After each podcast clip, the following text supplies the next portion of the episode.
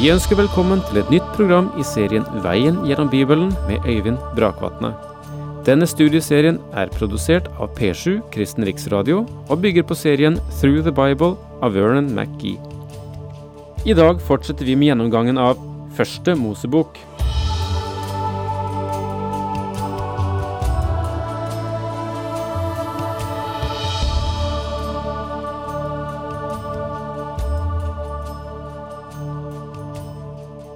Så slår vi opp igjen i første Mosebok, kapittel 29.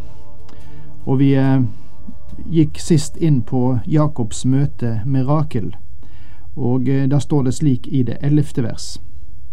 Så kysset Jakob Rakel og brast i gråt.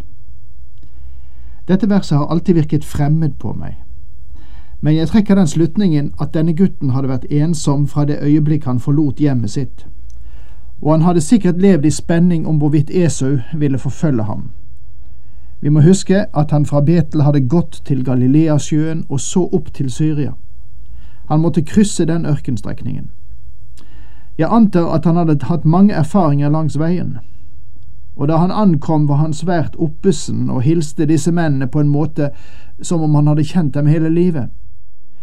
Han stiller dem sjenerende spørsmål, og mot bedre vitende tar steinen fra brønnen.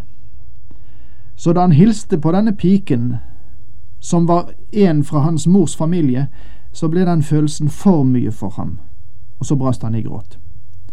Ja, det er den eneste måten jeg kan forklare det på. Han fortalte henne at han var i slekt med hennes far, og at han var sønn av Rebekka. Da sprang Rakel hjem og fortalte dette til sin far. Det står her at han fortalte henne at han var i slekt med hennes far. Egentlig står det at han var hennes fars bror. Det var den måten de ofte uttrykte slektskap på. Men i vår tradisjon ville vi si at Jakob var hennes fars nevø, og at han var sønn av Rebekka, hennes fars søster. Med det samme Laban fikk høre om Jakob, søstersønnen sin, sprang han imot ham, slo armen om ham, kysset ham og tok ham med seg hjem, og Jakob fortalte ham alt det som hadde hendt. Jeg kan forestille meg at Jakob hadde mye å snakke om, og det ville ikke overraske meg om han underholdt dem ved middagen med å fortelle historien om hvordan han lurte sin bror for å få tak i førstefødselsretten, og hvordan han brukte triks for å få velsignelsen, og hvor dyktig han var egentlig. Sannsynligvis fortalte han om natten ved Betel også. Jakob fortalte Laban alt som hadde hendt, sier Skriften. Da sa Laban til ham, Du er sannelig av samme kjøtt og blod som jeg. Så ble Jakob hos ham en måneds tid. Laban var nå overbevist om at han var hans nevø, og han sier, Du er min slektning, så kom og kjenn deg hjemme her hos oss. Nå går det en måned, og legg merke til hva som hender. Jakob arbeider ikke. Han er en nevø fra et land langt borte, og han er kommet for å hilse på sin onkel, og jeg antar at han mente at han burde ha fritt hus og kost der. Under denne tiden flørter han med Rakel. Han har i alle fall begynt å kaste sine øyne i den retningen, og jeg tror at hun sendte ham sine blikk også. Jeg kan bare tenke meg at den neste episode fant sted en morgen ved frokostbordet. En dag sa Laban til Jakob, Du skal ikke tjene hos meg for ingenting, selv om du er min frende. Si meg hva du vil ha i lønn. Denne onkel Laban er smart. Hvem hadde sagt noen ting om arbeid? I alle fall ikke Jakob. Så onkel Laban går taktisk frem, så han sier at han ikke vil at Jakob skal arbeide for ham for ingenting. Han sier at han vil betale Jakob. Det er smart sagt og nå vil Laban sette denne døgenikten av en nevø til veggs. Nå hadde han to døtre, den eldste heter Lea, og den yngste heter Rakel. Her blir vi presentert for en annen datter, Lea. Onkel Laban har holdt øye med denne gutten, og han har lagt merke til at hans nevø er blitt meget interessert i hans datter Rakel, den yngste av de to. Lea hadde milde øyne, men Rakel var velskapt og vakker. Rakel var en vakker pike. Lea hadde milde øyne, som var en måte å angi at hun ikke var vakker i det hele tatt. Andre lands diktning har lignende diskré beskrivelser.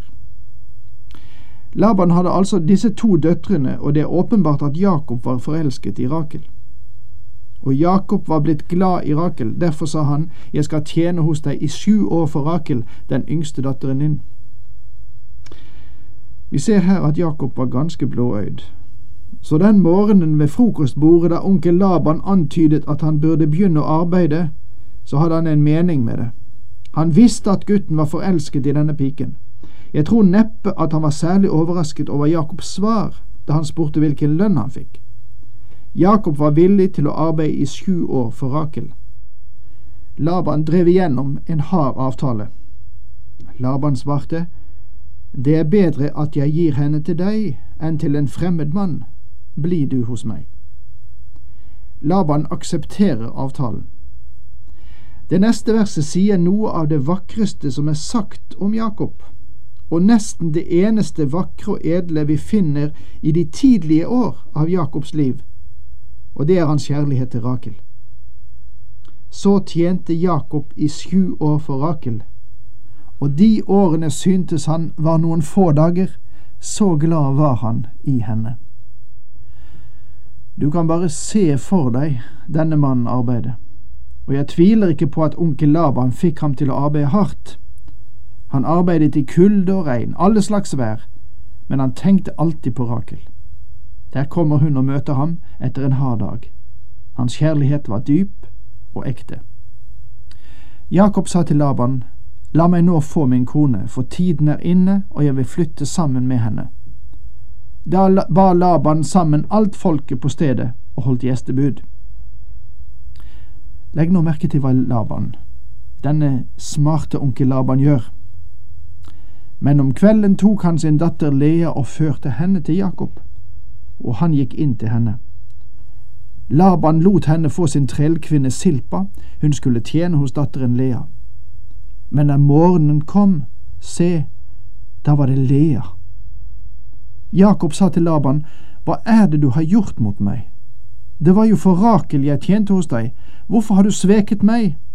Laban svarte, Det er ikke skikk hos oss å gifte bort den yngste før den eldste. Under selve vigselseremonien i de dager bar kvinnene slør, tunge slør som det var vanskelig å se gjennom. Stakkars Jakob så ikke den piken som ble gitt ham, før neste morgen. Da var det ikke Rakel, det var Lea. Da oppdaget han at han var blitt lurt. Jeg undrer på om han da husket at det samme hadde hendt hjemme da han utga seg for den eldste sønnen hos Jakob. Han lurte sin far og det var årsaken til at han måtte flykte hjemmefra. Og her ser du at Gud misliker slik oppførsel. Nå får han smake sin egen medisin. Jakob fremstilte seg som den eldste, mens han i virkeligheten var den yngste. Nå tror han at han har fått den yngste, men han har fått den eldste. Nå har vinden snudd seg, og det får fryktelige følger for Jakob. For Jakob føles det som en kriminell handling det Laban har gjort mot ham, men legg merke til hvordan onkel Laban takler saken. Han er ekspert på slike ting. Han forteller Jakob at det var noe som gjaldt kontrakten, noe med liten skrift, som han hadde glemt å nevne for Jakob. Det var en sedvane der omkring at den eldste datteren måtte gifte seg først, og at den yngste datteren ikke kunne gifte seg før den eldste var gift. Men uh, onkel Laban ville gjerne være sjenerøs, så han kommer med et tilbud til. La hennes bryllupsuke gå til ende, så skal jeg gi deg den andre også, hvis du vil tjene hos meg i sju år til. Denne uken, ser du, er nye sju år. Nå får onkel Laban god avkastning, ikke sant? Og stakkars Jakob blir virkelig tatt i skole men han har tatt seg to hustruer som han ikke skulle ha gjort, og det kommer til å skape vanskeligheter for ham videre.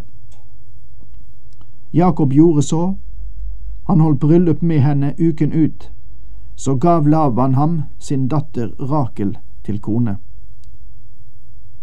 Laban la Jakob tjene dobbelt så lenge som de opprinnelige var blitt enige om. Sju år var lenge nok, men 14 er nesten uutholdelig. og nå satt Jakob der med to hustruer. Kanskje noen vil si at vel, siden dette er i Bibelen, så godkjenner Gud bigamier, det vil si eh, gifte med flere. Nei, la meg igjen minne om det jeg har sagt før, at Gud godkjenner ikke alt som står i Skriften. Kanskje det kan overraske deg? For eksempel så godkjenner ikke Gud djevelens løgn. Gud godkjente ikke Davids synd, og han dømte ham for den.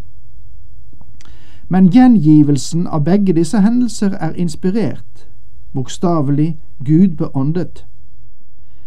Med andre ord sa Gud gjennom Moses skrifter nøyaktig det han ønsket å si. I første Mosebok 29 gav Gud en nøyaktig beretning. Jakob hadde to hustruer og forteller hvordan det kom til. Og her kommer inspirasjonen inn. Det betyr ikke at Gud sanksjonerte alt som er gjengitt i Bibelen. Gud aksepterte ikke at Jakob hadde mer enn én en hustru. For jeg har lov til å si at Jakob fikk en masse vanskeligheter i familien fra nå av, og det kan alt føres tilbake til de metodene han selv hadde brukt. Han fikk høste det han selv hadde sådd. Da Herren så at Lea ble tilsidesatt, åpnet han hennes mors liv, men Rakel fikk ikke barn. Lea ble med barn og fødte en sønn som hun kalte Ruben. For Herren har sett min nød, sa hun, nå kommer mannen min til å holde av meg. Lea er fortvilet fordi hun vet at hennes husbonde elsker Rakel fremfor henne. Når hun ble mor til Ruben, gleder det hennes hjerte, og hun regner med at Jakob vil elske henne også. Ruben er Jakobs førstefødte, men han er ikke den som fører linjen videre til Kristus.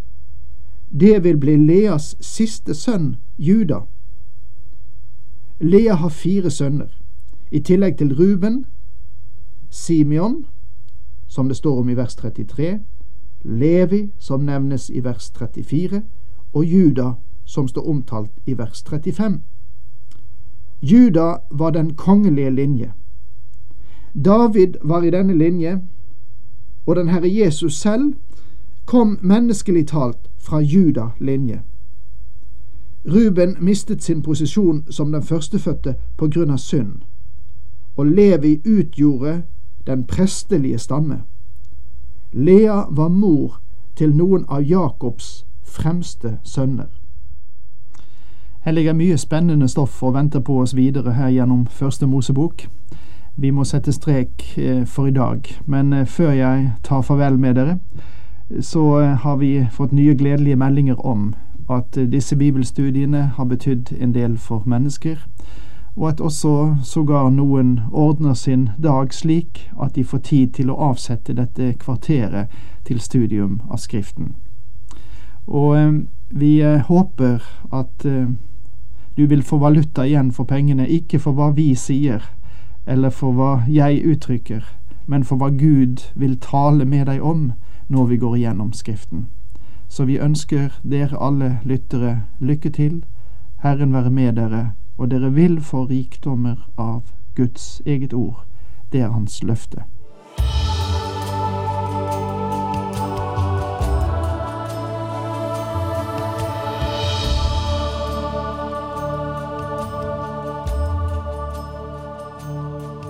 Du hørte Øyvind Brakvatne i studieserien Veien gjennom Bibelen. Serien bygger på et manus av Vern Mackey. Har du spørsmål eller kommentarer til programmet, kan du sende en e-post til vgb krøllalfa p7.no. Takk for i dag, og på gjenhør.